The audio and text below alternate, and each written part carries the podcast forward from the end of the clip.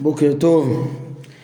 מורה הנבוכים, חלק שלישי, הגענו לפרק ל"א.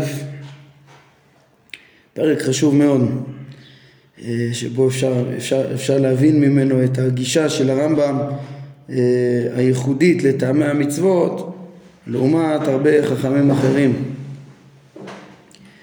אה, אומר הרמב"ם, יש אנשים שקשה בעיניהם לתת טעם לאף מצווה והרצוי ביותר בעיניהם הוא שמשמעות הציוויים והאיסורים לא תיתפס בשכל כלל ועיקר. תשימו לב עם מי הרמב"ם מתמודד כאן זה, זה לא אנשים שחושבים שאין טעם למצוות כמו שהוא כבר אה, דחה את הכתות המוסלמיות שסברו ככה אה, בפרק אה, כ"ו אלא כן כאלו שחשבו שהכל הולך אה, אחר הרצון ואין מעשה השם הולכים אחר החוכמה וביטלו את הטבע וביטלו את המוסר. זה לא ככה. זה, זה אנשים ש, שסוברים שיש טעם למצוות אלא שקשה אה, ביניהם להסביר את זה ב, ב, ב, בהיגיון אנושי. הם, הם אה, מעדיפים כן הרצוי ביניהם זה שלא יהיה אפשר לתפוס מהו הטעם של המצוות, שהטעם של המצוות יהיה דברים נשגבים מבינת האדם, שאיננו יכולים, לה, אה, כן, איננו יכולים להבין, שזה בכלל לא נתפס בשכל, ככה, ככה הם מצפים שדבר אלוהי יהיה, דבר לא מובן ל, ל, לאדם, כן, קשה בעיניהם כשאתה נותן ש, אה, אה, הסבר, אתה אומר הנה המצווה הזאת מועילה לאיזה עניין מובן, אם זה דבר מובן אז כבר אז, אז, אז, אז זה קשה ביניהם, זה לא יכול להיות, זה צריך להיות משהו אלוהי, כן? הרמב"ם אומר, מה שהביא אותם לזה הוא חולי שהם מוצאים בנפשם אה, שאין הם יכולים לבטא אותו ואינם מטיבים להביע אותו, כן? זה הרמב"ם הרבה פעמים ככה מתייחס לטעויות מחשבתיות שיטתיות, הוא קורא לזה איזה חולי נפשי, איזה חולי נפשי, זה איזה גישה גישה מוטעית ש, שמי שיש לו אותה אז הוא כאילו אה, אה, בעקבות זה לא יכול להבין את, ה, את, ה, את המציאות נכון? ו, אה, ופה הוא אומר זה, זה מין גישה משהו ש, ש, שיש אצלם אפילו לא הם לא בחרו בזה זה לא שהם הם לפעמים לא יודעים להסביר גם למה זה. כן? והרמב"ם מנסה לנתח פה מה מה, מה בעצם התפיסה שמביאה לגישה הזאת, כן? אגב, אולי כבר אפשר לציין ש... שנגיד אה, סמוך ונראה לרמב"ם, אה, אפשר לראות את הגישה הזאת בספר הכוזרי, למשל במאמר שני בפסקה כ"ו כשהוא עוסק בטעם של הקורבנות אז הוא אומר איזו אמירה כוללת כזאת ש... כן, כל, מה, כל ההסברים קצת שהוא נתן שם, הוא לא, הוא לא גוזר שזה ככה, איך הוא אומר? אה, כל זה במערך וסדר חכם אלוהי, ואינני פוסק וגוזר חלילה שהכוונה בעבודה הזאת היא הסדר אשר אני אה, אומר אותו. כן, הוא הציע איזה סדר, איזה טעם למבנה של המשכן, איך שהוא מקביל לאיברי אדם, ואיך שהנפש, כמו שהנפש שורה באיברי אדם, ככה השכינה שורה במשכן. כן, והוא אומר ואינני, כן, אז, אז אה, אלא, נראה, כן, הכוזרי אומר אלא משהו נסתר ונעלה, הוא יותר נסתר ונעלה, ושהיא תורה מאת השם, מי שקיבלה קיבול שלם מבלי שיחקור אה, בשכלו ויתחכם הוא מעולה ממי שיתחכם בה וחקר. כן, רק מי שיצא מאותה מדרגה נעלה שלקבל את התורה ככה למעלה, שהיא למעלה מההסברים וההבנה שלו, הוא יצא אל, אל המחקר, הרי מוטב שיגלה בפנים של חוכמה מי שיעזבנה לסברות רעות ולספקות מביאים אליו אדון. זאת אומרת, אה, מי שאין לו ברירה, יש לו קושיות, הוא לא יכול לקבל את התורה בלי הסברים, אז הוא צריך גם כן ליישב את דעתו ולא להישאר בקושיות. אבל רבי יהודה הלוי אומר את הדברים שם בצורה ברורה שבעיניו נעלה יותר ל, ל, ל, ל, להסביר אה, את המצוות בצורה אלוהית ככה ש, ש, אה, שלא מובנת, שלמעלה מההבנה, הוא מתנצל, קשה בעיניו לתת הסברים. בדומה לזה גם כשהוא מתייחס לצרת ולטומאות, נראה לי זה בסעיף ס' שמה, מאמר שני. אז אה, גם כן הוא, רואים איך זה קשה לו. כן, אומר, כבר אמרתי לך שאין יחס בין שכלנו ובין העניין האלוהי. וראוי שלא נשאף לתת טעמים לכמו אלה הדברים הגדולים. כן, אבל אני אומר, אחר בקשת המחילה, בלי להחליט שהוא כך, אפשר, וכולי וכולי, מציע הסברים לענייני טומאה וטהרה. אז, אז הרמב"ם פוגש את הדברים האלה ומתמודד איתם בפרק שלנו. אמנם זה, בפרק שלנו יש לו פה התמודדות מאוד קצרה, אבל, אבל הפרק הזה הוא חשוב כי הוא מראה שהרמב"ם היה מודע בפירוש לדעה הזאת וחלק עליה וכדי להשלים את התמונה, כן, אה, אה, אפשר לעיין בשאר המקומות שהרמב"ם מתייחס לעניין וככה גם ביחס לדעות שהוא חולק עליהן, כן, הרמב"ם פה גם לא מציג אותם בצורה מלאה אבל סוף סוף הוא מצביע פה על נקודה יסודית מאוד, על גישה שבעיניו הגישה השנייה היא ממש תפיסה מוטעית, איזה, הוא קורא לזה חולי, חולי בנפש, כן, חולי מחשבתי, ששוב, אה, יש גישה שאומרת ש, שבעצם היא אה, רוצה להסביר את כל הדברים האלוהיים וככה בסוגיה שלנו בטעמי מצוות, את המצוות שרק כדברים אלוהיים שלא מובנים, שהם למעלה מהבנת האדם, כן, זה גישה אחת, ו, ומאוד קשה לאותה גישה כל הסבר מובן למצוות, זאת אומרת כל מה שהרמב"ם הולך לעשות בכל הפרקים הבאים, לתת הסבר למצוות, ובעיקר התפיסה שלו שהוא טוען שאלו הם ההסברים או שחייב להיות הסבר מובן שהמצוות חייבות להיות לפי הרמב"ם המצוות חייבות להיות אה, עם תועלת אה, לאדם שאפשר להבין אותה, כן? כי אנחנו יכולים להבין את, את מהות האדם ומהם שלמויותיו, אה, מהם צרכיו לקיומו השלם והתקין בעולם הזה ומה, ומה הוא צריך כדי, בשביל להשלים את עצמו לקיומו הנצחי לעולם הבא. הכל אנחנו יודעים, מכירים את האדם, מכירים את המציאות ויכולים להבין מה הם המעשים שצריכים להועיל לו. ולכן כל מעשה שלא יהיה מובן זה, זה חיסרון גדול, כן? אה, מה פתאום לעשות איזה דבר שלא... כל, מעשה חייב להיות מועיל בשלמויות האלה, לא מועיל בשלמויות האלה, הוא יהיה מעשה אה, הבל. כן, או, או לתכלית פחותה, הרמב"ם קרא לזה מעשה שחוק, ראינו בפרק כ"ה, או כן, או, לא שייך גם אצל הבורא פה על הבטלה, פעולת שווא שלא תבוא אל תכליתה, כל המצוות צריכים להיות כאלו, שהן אה, באמת מועילות, ובאמת מועילות למעלה חשובה, למעלות של שלמות האדם. אז מה שאצל הרמב"ם הוא הכרחי שיהיה, טעמים כאלה מובנים, אצלם, אצל הגישה שהוא מתמודד איתה עכשיו, זה מאוד קשה להם לשמוע דבר כזה. מה, המצוות האלוהיות הנשגבות הם רק uh, הדרכות של uh, חוכמה, איך להשלים את האדם כמו שאנחנו מבינים, הסברים כאלה שאנחנו מבינים את התועלת שלהם. הם רוצים ל- ל- להשוות את המצוות האלוהיות לנשגבות של הבורא עצמו, כמו שאת הבורא אי אפשר להבין, אז ככה כל דבר אלוהי רוצים להגיד, זה לא, לא מבינים אותו, אי אפשר להבין אותו, אי אפשר להבין אותו. אבל הרמב"ם מבין אה, כן, ממילא כל הגישה של הרמב"ם קשה להם, אבל, אבל הרמב"ם מבין ש... שמה זאת אומרת, אם הבורא, הבורא קודם כל ברא טבע ומציאות שאנחנו מבינים ואנחנו מבינים את התועלת שבה ומבינים איך היא טובה. והבורא, אמנם אותו אי אפשר להבין, אבל מצוותיו לאדם, הם ניתנו לאדם להשלים את האדם, כמו שהרמב"ם מיד אה, אה, יחזור על מה שהוא כבר אמר, לטוב לנו כל הימים, לחיותנו כהיום הזה זאת אומרת, כשזה הדרכה אלוהית לאדם, זה צריך להועיל לאדם, שזה למציאות שלנו, במציאות שלנו, צריך להבין את זה. בקיצור, זו מחלוקת מאוד מאוד עמוקה, שהיא שורשית ויסודית בכל הגישה לטעמי המצוות. כן, בשיטת הכוזרי יש גם את המהר"ל מפראג, הזכרנו בתפארת ישראל, אה, שרוצה גם כן לרומם את כל המצוות למעלה מהשגת האדם, מהבנה איך שהדברים האלה עובדים, המצוות הן גזרות אלוהיות.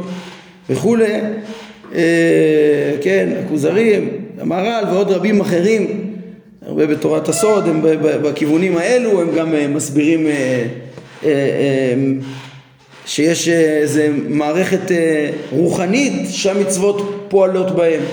כן, וכדומה, אותה שיטה. ורק שהרבה מהמערכת הרוחנית הזאת היא קשורה בתפיסת עולם של כאילו להוסיף על המציאות המוכרת, להסביר את המציאות המוכרת לנו, לבינת האדם ובכלל הרמב"ם נגיד וכל תפיסת העולם תוספות ש, שבעיני הרמב"ם הן לא קיימות בכלל כן? אולי נרחיב על זה עוד מעט קצת יותר כן? אבל ממילא ההסברים שהם נותנים כאילו כטעמים בעיני הרמב"ם הם בכלל לא, לא טעמים הם דברים לא קיימים הם דמיונות בואו נקרא רגע עוד כמה משפטים מתוך דברי הרמב"ם עצמו איך הוא מתמודד עם, עם השיטה הזאת. כן אז הוא התחיל להגיד לנו תדעו לכם קודם כל יש דעה כזאת. כמו שאמרנו זו דעה שסוברת שיש טעמים למצוות אבל, אבל זה טעמים שאי אפשר להבין אותם וקשה ביניהם לתת איזה הסבר שיובן. כן שיהיה מובן. אה, הרמב"ם אומר ש, שזה מאותה תפיסה מוטעת אותו חולי שהם מוצאים מנפשם שאינם יכולים לבטא אותו ואינם מטבים להביע אותו כן הם חושבים שאילו אותן מצוות היו מועילות במציאות הנוכחית אם ממש כל תועלתם זה רק ממש לתיקון האדם במציאות הנוכחית כמו שאנחנו מכירים אה, ונצטווינו בהן מפני כך וכך, הרי הן כאילו באו ממחשבה ומשיקול דעת של בעל שכל. ואילו דבר שאי אפשר לתפוס שכלית את משמעותו ואין הוא מביא לתועלת, הרי זה בלי ספק מאת השם. כי מחשבת האדם אינה מביאה לשום דבר מעין זה. טוב, פה הוא לוקח את זה גם, אה, הוא מבין שאצלם זה היה גם חלק מהראייה לאלוהיות של המצוות ושלא הניח אותם אה, בן אדם מעצמו זה, זה שכל דבר אה, הגיוני אז אפשר שאדם היה חושב עליו בעצמו אבל כשיש דבר שהוא לא הגיוני אז, אז איך בן אדם יחשוב על החוקים האלה? כאילו זה בטח אלוהי כי אין שום סיבה שמישהו יגדיר את החוקים האלה אם לא שהוא קיבל אותם אה, מלמעלה. כן?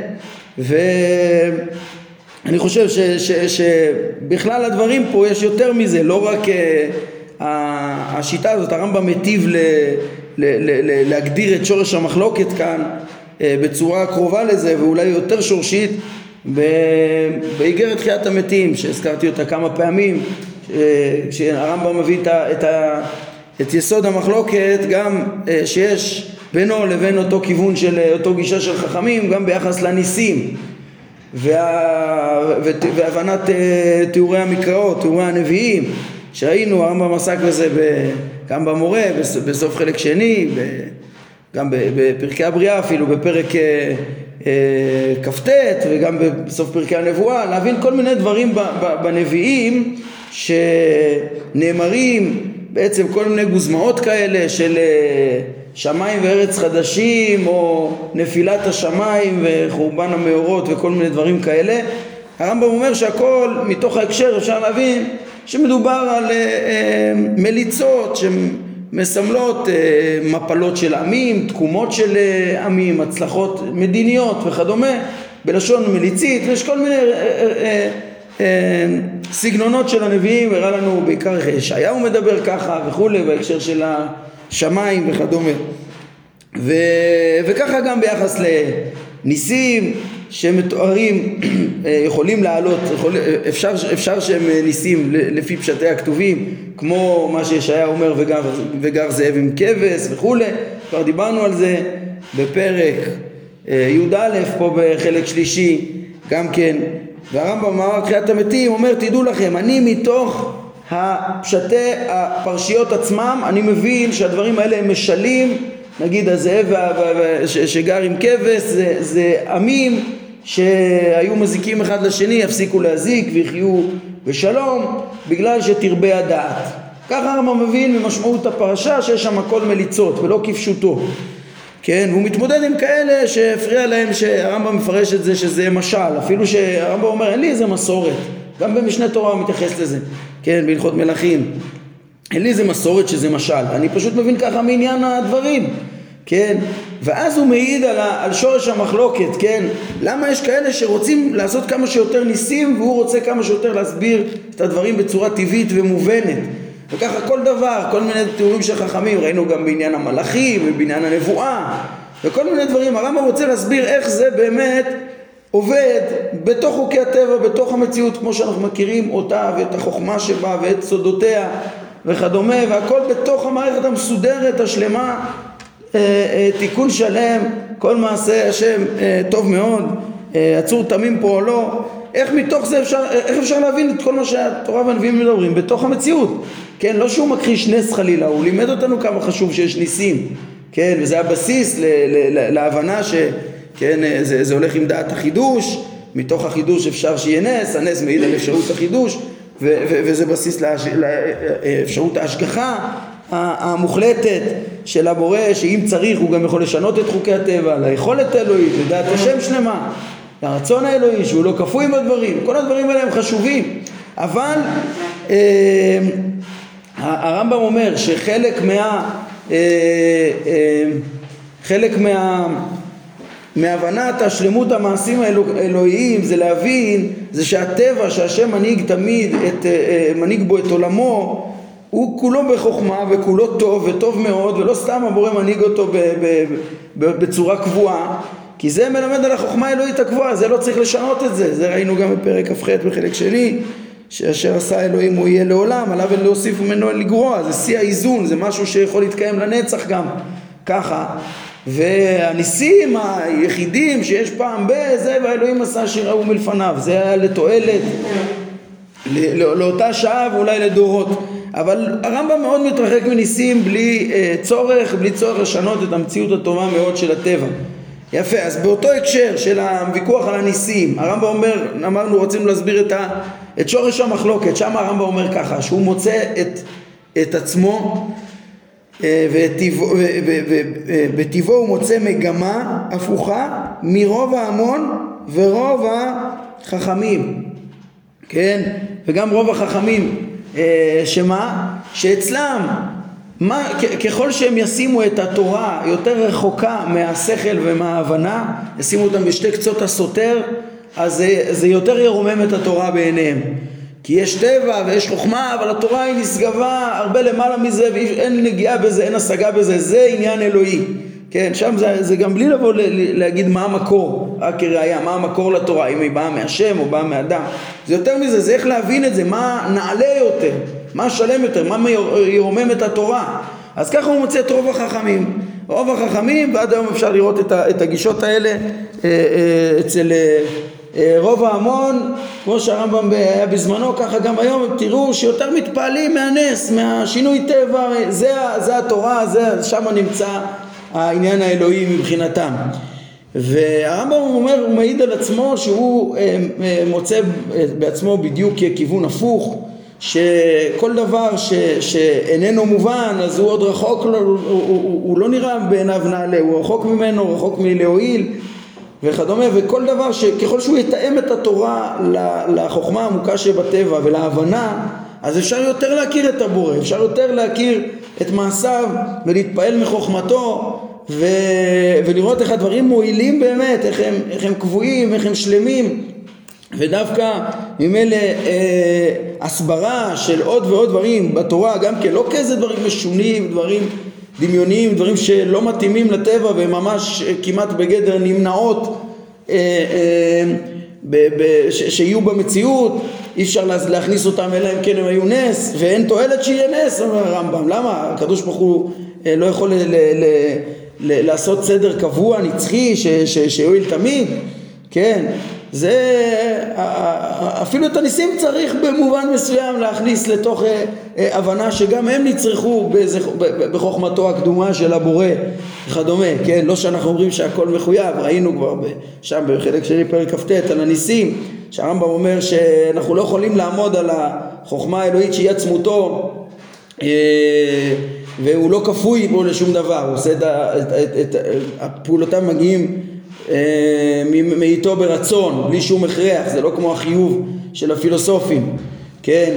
אנחנו לא יכולים להבין את זה, איך הפעולות מגיעות מאת הבורא, גם מתוך אה, חוכמה וידיעה קודמת וגם מתוך חופש שהוא לא כפוי לשום איזה תוכנית. זה אצלנו תרתי דה סתרי, אבל בעצמות האלוהית אי אפשר, כן, אי אפשר לתפוס את זה וגם, וגם זה לא סותר, כי אין שם... זה לא מושגים שאנחנו מבינים כשאנחנו מדברים עליהם וכבר הארכנו בזה שצריך ללמוד את זה על דרך השלילה, את כל המושגים האלה, כי אנחנו לא מבינים אותם איך הם כן, ורק שוללים משם את ההכרח ושוללים את הסכלות. על כל פנים, יש לפי הרמב"ם ניסים, אבל, הם, אבל יש אצלו את המגמה להסביר את הכל ולהבין את הכל ודווקא כך נרומם את התורה שנראה איך היא מתאימה לעומק המציאות כן והרמב"ם עשה את זה בכל הספר והראה איך שהכל מתאים ל... אה, הרי זה סודות התורה עומק סודות המציאות מי שיבין את התורה לעומק סודה יבין את, את, את כל הדברים בהתאם למציאות ומתוך הבנת הסוד לעומקו עם כל החוכמה שבו אז, אז הוא יתרחק מהנס הוא יבין את החוכמה שבמעשה השם, יבין את ההשגחה בלי, בלי, בלי ניסים כמעט, כן? את ההשגחה האלוהית הקבועה בלי, בלי ניסים וכדומה כמו שראינו בפרקי השגחה. בקיצור, זה עומק ה, ה, המגמה השונה שיש בין השיטה שהרמב"ם מציג פה שקשה בעיניה להסביר בהבנה אנושית את, הטעמים למצוות שהבאנו כדוגמה לשיטה הזאת את הכוזרי ואת המהר"ל, לבין שיטת הרמב"ם שהכרחי בעיניו לתת טעמים מובנים אה, אה, לבינת האדם, שנבין את, ה, את, ה, את התועלת שלהם. כן, אצלם האלוהי זה מה שנשגב מבינת האדם, ואצל הרמב"ם דווקא ככל שהדברים יהיו יותר מובנים בבינת האדם הם יהיו יותר אלוהיים ומתאימים לכוונה האלוהית שבאמת הם מועילים, הרי שוב כמו שאמרנו תורה ניתנה לאדם. אז התורה שניתנה לאדם צריכה להועיל לאדם ולהשלים אותו בשלמויותיו. ו- ו- ודווקא מה שנבין איך זה עובד זה מה שיתאים את הדברים ל- להיקרא אלוהים ולסתרי התורה ו- וכדומה כמו שאנחנו אה, רואים עכשיו פה כן הרמב"ם פה אה, מדבר בתוקף נגד אותה שיטה. הוא אומר, אה, לפי אותם חלשי שכל נמצא אפוא אה, שהאדם שלם כביכול יותר מיוצרו. כי האדם הוא אשר אומר ועושה מה שמוביל לתכלית מסוימת ואילו האלוה אינו עושה זאת. כן הוא לא עושה לדברים ש, ש, שמביאים לתכלית מסוימת מובנת כן אלא, אלא הוא מצוונו לעשות מה שלא יועיל לנו ואוסר עלינו לעשות מה שלא יזיקנו. לפי אותו שיטה, מה התועלת במצוות? לא יודעים, אין כאילו, אה, אה, תגיד להם זה מועיל לאותה שיטה, מי שהולך לפחות בקיצוניות עם השיטה הזאת, כן, תגיד לו זה מועיל, המצוות האלו והאלו, אלה מועילות לתיקון החברה, אלה מועילות לתיקון המידות, אלה לתיקון הדעות, כמו שהרמב"ם יראה לנו, לא, זה קשה בעיניהם, מה פתאום, מה פתאום, מה פתאום, לא, לא, לא, זה לא זה, לא זה, זה אלוהי, אי אפשר להבין את זה. אז הוא אומר, רגע, בני אדם אפילו... אה, אה, אה, יכולים להניח אה, חוקים מועילים, או כל אדם יכול לחשוב, אדם חכם, איך לעשות כל פעולותיו לתועלת ואצל, ה... ואצל בעלי השיטה הזאת הם לא מוכנים לתת הסברים של תועלות לפעולות האלוהיות, אז מה נמצא? שזה פעולות חסרות תועלת. אז נמצא ש, שהאדם שלם מבוראו, האדם עושה רק דברים מועילים שמועילים לו והבורא מוסיף לו ציוויים שלא יועילו לו כלום. כן, ככה הרמב"ם רואה את השיטה שלהם. כן, אבל פה כמו שאמרתי, זה לכאורה השיטה השנייה שהוא מתמודד איתה, לא רואים את זה ככה. הוא, מס... הוא מציג אותם לפי המשקפיים שלו הרמב"ם. אה, מה, מה, מה הכוונה? אה, אצל רבי יהודה הלוי למשל אמרנו, או אצל המהר"ל, מה הם יגידו, הם אומרים ש, שהציוויים האלוהים הם, הם בלי תועלת? הם אומרים שזה לא לתועלת אה, רק של תיקון האדם בעולם הזה, גופו ומידותיו ושכלו. יש תועלת יותר מזה, תועלת אלוהית. כן, המהר"ל בתפארת ישראל באותם פרקים שהוא מתמודד בטעמי המצוות אז הוא אומר מה, התורה היא לא ספר מוסר, ספר מוסר זה גם אדם יכול להבין משכלו. התורה היא חוקים אלוהיים ש... לא שהם לא לתועלת, הם לתועלת אלוהית למעלה מה... הם מועילים לה, להוציא מן הכוח אל הפועל את הנשמה האלוהית המופלאה שהיא למעלה מהשגתנו ברובד האלוהי הזה ש, שקיים לנו. אה, זה לא בתועלות של הקיום הטבעי של האדם המידותי או השכלי וכדומה. כן, אז זאת אומרת, כן, וככה גם אה, אצל רבי יהודה הלוי אפשר לראות. אה, רבי יהודה הלוי מדבר על זה שהמצוות הן מערכת אלוהית שלמה יש אצלו, הוא מדבר על ממד, זה, זה חלק מממד אלוהי שלם, של עניין אלוהי, של נפש מיוחדת, שברא הבורא לאדם הראשון ונמשכה ככה והשתלשלו דור אחר דור לעם ישראל, לעם הסגולה. ויש להם הכנה נשמתית מיוחדת שהיא לא חלק מהעניין הטבעי שאתה מכיר מהטבע שכולל דומן, צומח, חי, מדבר. אה, אה, כן, עד, עד בן אדם רגיל. לא, יש פה איזה משהו נוסף שאיזה נשמה רוחנית מיוחדת שצריכה הדרכה אלוהית מיוחדת שאם היא תקיים מצוות מסוימות אז היא תדבק בבורא ותשרה בה השכינה ותדבק בה השגחה ואת כל העניינים האלה של התורה רבי יהודה הלוי מסביר זה דברים מועילים. כן הם מועילים רק שזה זה עוד איזה ממד בטבע ש, שהפילוסופים לא הכירו. כן וככה הוא מסביר את כל הדברים במבט האלוהי הזה שלו. כן אז ככה שאם אנחנו רוצים להציג אותם בצורה הוגנת במשקפיים שלהם, אז צריך להבין, בעיניהם בטח שזה מועיל. הם, גם הרמב"ם צודק שמפריע להם, הם לא רוצים להגיד שזה מועיל רק בממד הפיזי, זה נראה, זה משהו אנושי, זה משהו שייך גם למדרגות המתחת האלוהי, כן? אה, אה, הטבעיות של המציאות. אז, אה, אז, אז הרמב"ם צודק ש, שזה קשה להם, הם יכולים להגיד אולי שיש גם תועלת לזה אבל זה לא עיקר העניין, עיקר העניין המצוות האלוהיות ש, ש, ש, שמביאות את האדם לדבוק בבורא. בנבואה שהם מסבירים אותה לא טבעית כמו אצל הרמב"ם, ראינו, דיברנו על זה בחלק שני גם, על דעת רבי יהודה לוי, איך אצלו השפע הנבואי הוא לא השפע השכלי, יש שפע שכלי שדרכו מגיע שכל האדם ויש ערוץ אחר לנבואה, ככה הוא מעדיף לפרש רבי יהודה לוי, הכל אלוהי, הכל אלוהי, יש חוקים אלוהיים, הוא אומר יש חוקי טבע וכן זה יש חוקים אלוהים שהמצוות הם אה, עבודת הכרם לכרם כשישלמו כל התנאים אז גם אה, תופיע הנבואה, תשרה שכינה, תדבק בנו ההשגחה וכדומה. אז הם אומרים שזה מועיל אבל במישור אלוהי כן? עכשיו נחזור להבין אז, אז למה בכל זאת הרמב"ם שהכיר את השיטה שלהם? למה הוא ככה דוחה אותם ואומר אה לשיטתכם הדברים האלה הם דברים שהם אה, לא מועילים בכלל, הם, אה, הם, הם כאילו, כי הם לא מועילים במציאות, ובעיני הרמב"ם כל הממד האלוהי הזה אה, הוא לא קיים, הם מבינים אותו לא נכון.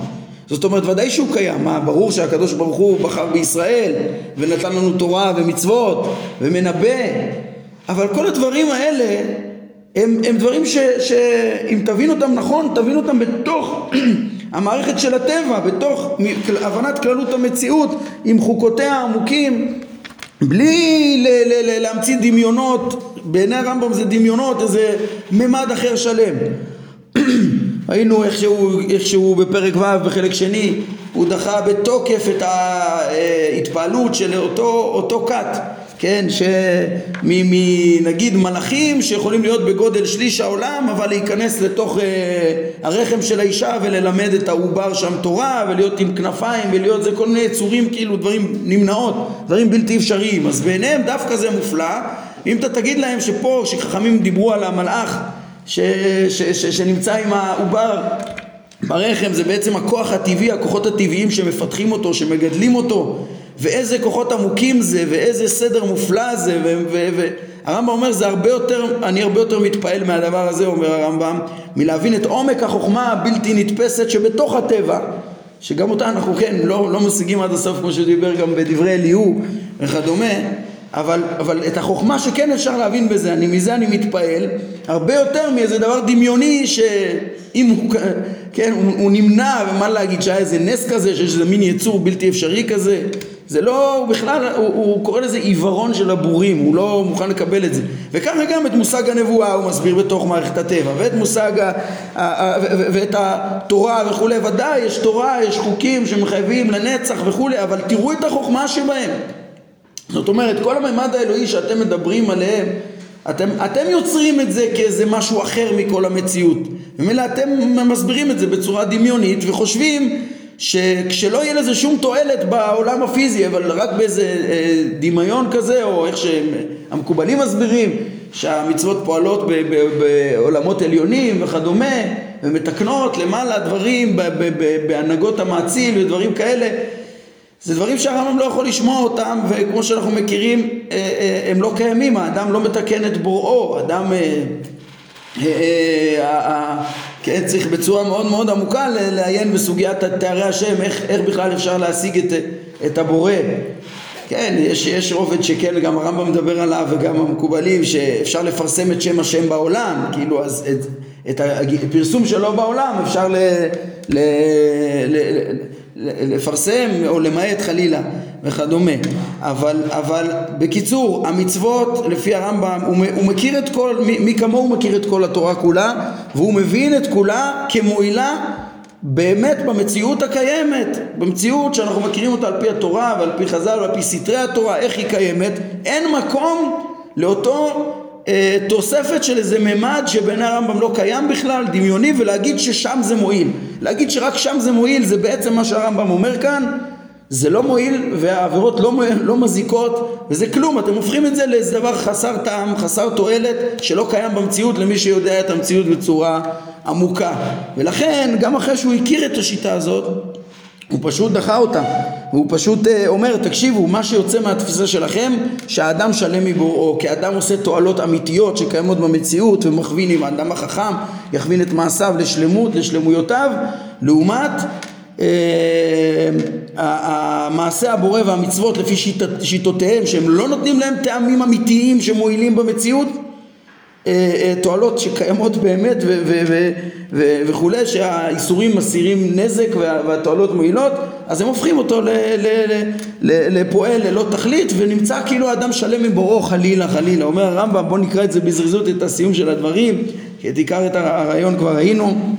הרמב"ם אומר הוא נעלה על כך מאוד, חלילה שהבורא יעשה דברים של הבל ופעולותיו יהיו חסרות מפעולות האדם, חלילה חלילה לא, אלא העניין הפוך, וכל הכוונה היא להועיל לנו, כמו שביארנו ממה שנאמר בפירוש בכתוב, ויצווינו השם לעשות כל החוקים האלה, ליראה את השם אלוהינו לטוב לנו כל הימים, כמו שהרמב"ם אמר, לעולם הבא, לשלמות האחרונה של האדם, לטוב לנו כל הימים, לעולם שקולות טוב וארוך ונחיותנו כיום הזה, כמו שהוא הסביר בפרק כ"ז, שזו מטרת התורה כולה. הכל להועיל, הכל להועיל ליישובו של, של עולם, הטובה הגדולה ליישוב העולם הזה כדי לנחול חיי העולם הבא, שהם ה, ה, ה, כל השלמויות שאפשר להשלים את האדם. ונאמר, ראה לימדתי אתכם חוקים משפטים צדיקים ושמרתם ועשיתם כי חוכמתכם ובינתכם לעיני העמים. החוקים והמשפטים שלנו היא חוכמתכם ובינתכם לעיני העמים אשר ישמעון את כל החוקים האלה ואמרו רק עם חכם ונבון הגוי הגדול הזה. אז תראו למה הרמב"ם מביא את הפסוק הזה ומה הוא לומד ממנו. הרי נאמר במפורש שאפילו כל החוקים אפילו הם שטעמם לא, לא גלוי וגדריהם לא מחייבים וכדומה שיש אומות העולם משיבים עליהם כמו שראינו פרק כ"ו. אפילו הם, הם מורים לדעת כל האומות שהם בחוכמה ובתבונה. אפשר אפילו להתבונן בחוקים ולראות ש, שבעקבות זה אומרים שאנחנו עם חכם ונבון. ואילו היה זה דבר שאי אפשר לדעת לו טעם שאין הוא מביא אה, תועלת ולא דוחה נזק. דבר כזה שלא ברור מה התועלת שלו ומה הנזק שלו זה סיבה להקשות על, עלינו לא אה, אה, להתפעל מחוכמתנו ותבונתנו. הכיצד יאמרו על מי שיאמין בדבר כזה יאמין בו או עושה אותו שהוא חכם ונבון ורם מעלה ויהיה הדבר לפלא בקרב האומות? אומר הרמב"ם אלא הדבר בלי ספק כמו שאמרנו חייב להיות שהדברים אה, אה, האלה יש בהם תועלת ומזה העמים מתפעלים כן אז חייב כמו שאמרנו שכל מצווה מאותן אה, 13 ו-600 מצוות היא נועדה אה, או ללמד דעה נכונה או להסיר דעה משובשת, כן? לתקן קודם כל בדעות, בדעות שכבר, כן, הרמב"ם מפרט את זה פה, גם על, על דרך החיוב וגם על דרך השלילה, כמו שכבר עסקנו בזה בפרקים האחרונים, כבר בדרכים של התורה להקנות את הדעות, את השלמות האחרונה של האדם. ואת השלמותו בעולם הזה, גם באמצעות האמנות, דעות. כן, אז זה או, או שהתורה באה ללמד דעה נכונה, כמו שראינו את המסקנות של האמונה אה, בפרק כ"ח, כן, אה, לתקן את, האדם בשומתו האחרונה, או אפילו דעות שצריך כדי לסדר את החברה פה, להבין איך שהקדוש ברוך הוא משגיח ומעניש, כן, או להסיר דעה משובשת של עבודה זרה, שעמדנו בשני הפרקים האחרונים, על ידי מעשים, על ידי האמנות אה, והבטחות, התורה מסירה את כל האמנות המשובשות שלה. אה, עבודה זרה, כדי להביא לשלמות של האדם, כן, או לתת חוק צודק, או לסלק עושק, שזה הסדר החברתי, כן, לתת חוק צודק כדי שיוסדרו, יוסדר כל הקיום של החברה כולה, של, של בני אדם וכולם, יהיה להם אפשרות להתעלות, לקנות את, אה, אה, את המידות ובסוף את הדעות הטובות ולהתקיים לנצח, כן, או לסלק עושק שמונע את השלמות מבני אדם. אז יש לנו פה את הדעות, יש לנו את הסדר המדיני, או להקנות מידה טובה או להזהיר ממידה רעה, כן, שגם המידות האלו, שלמות המידות, נדרשת הן לקניין, לשלמות בעולם הזה והן לשלמות אה, בעולם הבא אה, ולהידמות גם כן, כמו שאנחנו אה, מדברים הרבה פעמים, שבזה הרמב"ם חותם את המורה, ש, שמתוך חוכמה גם צריך לחקות את הבורא, גם כן במידותיו, להלך במידותיו. אז מסכם הרמב"ם, הכל קשור לשלושה דברים, לדעות ולמידות ולמעשים למעשים המדיניים פוליטיים. זאת אומרת כל המצוות כולם וכמו שאנחנו כבר אמרנו בצורה כוללת אנחנו נראה שהרמב"ם מפרט ויכניס את כל ה-613 מצוות בפרקים ל"ה עד אה, מ"ט אה, יראה איך כולם מועילות לזה, כולם מועילות לדעות, למידות ולסדר החברתי, לתיקון הסדר החברתי. ולכן ככה צריך להבין, אומר הרמב"ם, אה, בהכרח את אמ, עניינם של אה, המצוות כמועילות לכל העניינים האלה שהם מה שאפשר להועיל לאדם ולא כמו אותה שיטה שאומרת שהמצוות אה, האלו כן אי אפשר לתת להם טעמים כאלו והם צריכים להיות מחוץ לתחום התבונה כמו שכתבו פה יפה בכותרת של הפרק. טעמי המצוות הם, מחוץ, הם, הם רק בתחום התבונה לפי הרמב"ם כן? לעומת השיטה השנייה שרוצה להוציא אותה מתחום התבונה אה, לגמרי. אה, יש לרמב"ם פה הערת אגב, כן, אם הוא כבר כלל את כל המצוות בדעות, מידות ומעשים מדיניים פוליטיים, אז, אז הוא, הוא אומר למה הוא לא מונה את האמירות? למה הוא לא מדבר על מצ... שיש גם מצוות בדיבורים? כן, מה שהביא לכך שאיננו מונים את האמירות אה, כאילו בקטגוריות הכוללות האלו של כל המצוות הוא שהאמירות שהתורה דרבנה או אסרה לומר מהן בכלל המעשים המדיניים, מהן נועדו להקניית דעות ומהן נועדו להקניית מידות.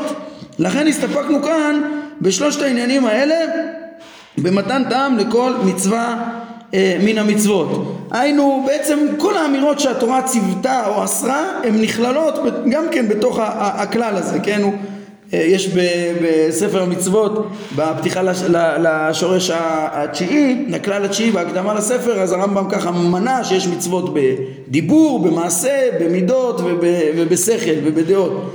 אז אה, כאן הוא כאילו רצה להשלים למה אני לא מתייחס לזה? אז הוא אמר כן אם, אם אני מסתכל מבחינת הטעמים מבחינת התועלות של המצוות כולם, כולל הדיבורים, אני יכול להכניס לקטגוריות האלו של אה, מצוות, של יכולות להיות באמנה, בדיבור או במעשה, לא משנה, או במידות, או הוראה למידות, כולם הם יהיו לשלוש תכליות, לתקן את המידות, את הדעות, לתקן את המידות ולתקן את החברה.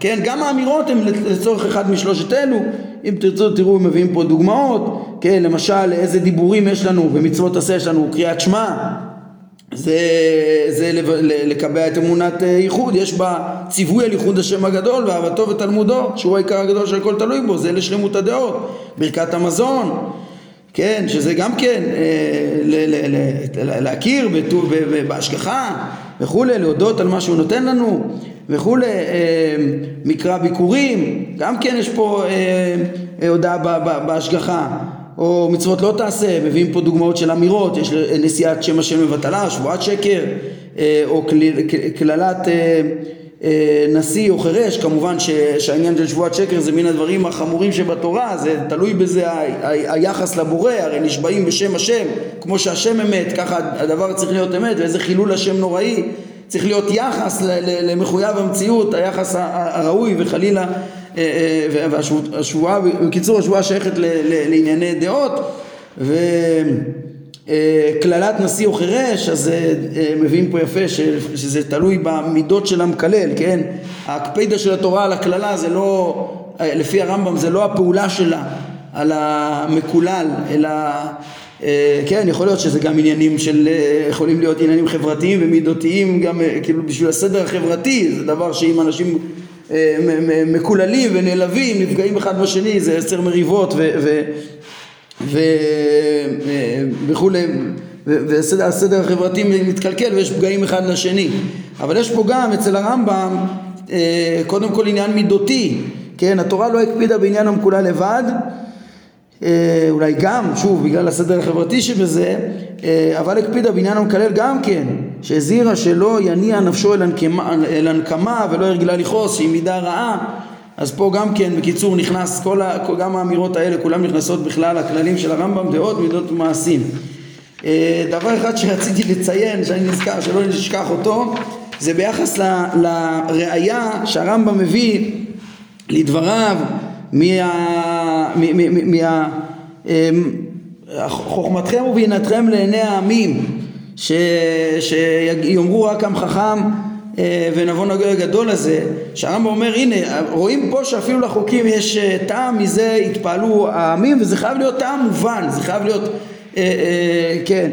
אז קודם כל אולי נביא, פה מובא בהרחבה שהרמב"ם מביא את הפסוק הזה בצורה מאוד יפה כנגד אה, אה, בהקדמה לפרק חלק, בביאור שלו לפרק חלק, שהוא מביא שלוש כתות איך ללמוד את דברי חכמים, הכת הראשונה זה כאלה שלומדים את כל הדברים כפשוטם. זה בעצם אותו כת, שגם כן לא רוצה, ל... אה, לא, לא בוחנת את דברי חכמים בהתאם לטבע המציאות, בהתאם לשכל, בהתאם לתבונה, אלא כל מיני תיאורים שהם, וגוזמאות שהן נמנעות אצל הטבע ואצל השכל, הם מפרשים כפשוטם וכדומה. אז הרמב"ם שם אומר שהם סבורים לרומם את התורה, כן? זה בהתאם לגישה שלהם. זה לרומם את התורה, זה למעלה מכל הבנה אנושית ומתפעלים דווקא מהנמנעות. ככל שזה, שהתורה תהיה הפוכה לטבע. אבל הרמב"ם אומר על זה אה, כן, ש, ש, שהם אה, חי השם, זו הכת מאבדים הדר, אה, כן, הם, הם רוצים, הם רוממו את החכמים לפי מחשבתם. אבל חי השם הכת הזו מאבדים הדר התורה, מחשיכים זוהרה ועושים תורת השם בהפך המכוון בה. עוד פעם מביא את הפסוק שלנו. לפי שהשם אמר על חוכמת, חוכמת תורתו אה, אשר ישמעון את כל החוקים האלה ואמרו רק עם חכם ונבון הגוי הגדול הזה והכת הזו דורשים מפשטי דברי חכמים דברים אשר אם ישמעו מעמים יאמרו רק עם שחל ונבל הגוי הקטון הזה ככה הרמב"ם רואה את הדברים הדברים יפים לכאן ממש משתלבים עם, באותו שורש של, של אה, טעות ודבר מעניין מאוד זה, והאמת שלפי מה שהסברנו זה גם uh, מובן זה שאפשר למצוא אצל חכמי חכמים שתומכים בשיטה השנייה של הנשגבות של המצוות שהם מביאים ראייה מהפסוק הזה עצמו לשיטתם.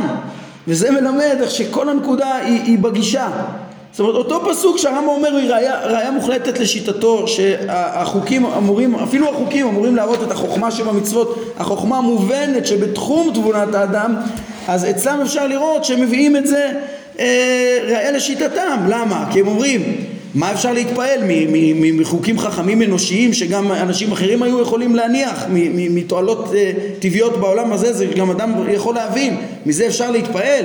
ודאי שמה שהעמים התפעלו זה דווקא ממה שמעבר לתחום תבונת האדם.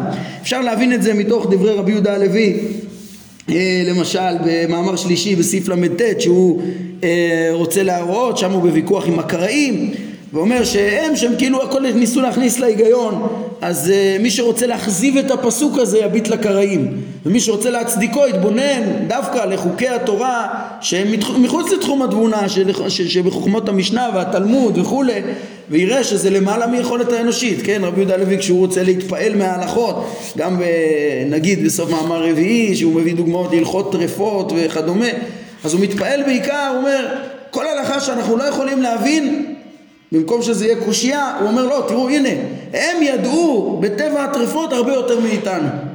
זה למעלה מהשגתנו, או מצוות, הוא כל פעם מתפעל ממה שזה אלוהים, מה שלא ביכולת אדם.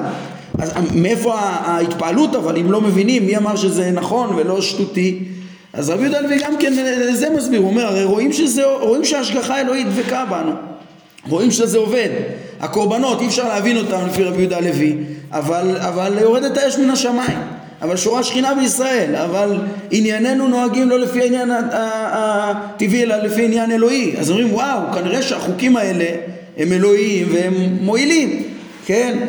זה, זה אומה חיה, רבי יהודה הלוי אומר שם מאמר שני, שכולם אחרים זה צלמים מתים שאין בהם באמת השגחה, אין בהם חיות אלוהית, בהם, זה לא עובד, ככה ההתפעלות לפי רבי יהודה הלוי.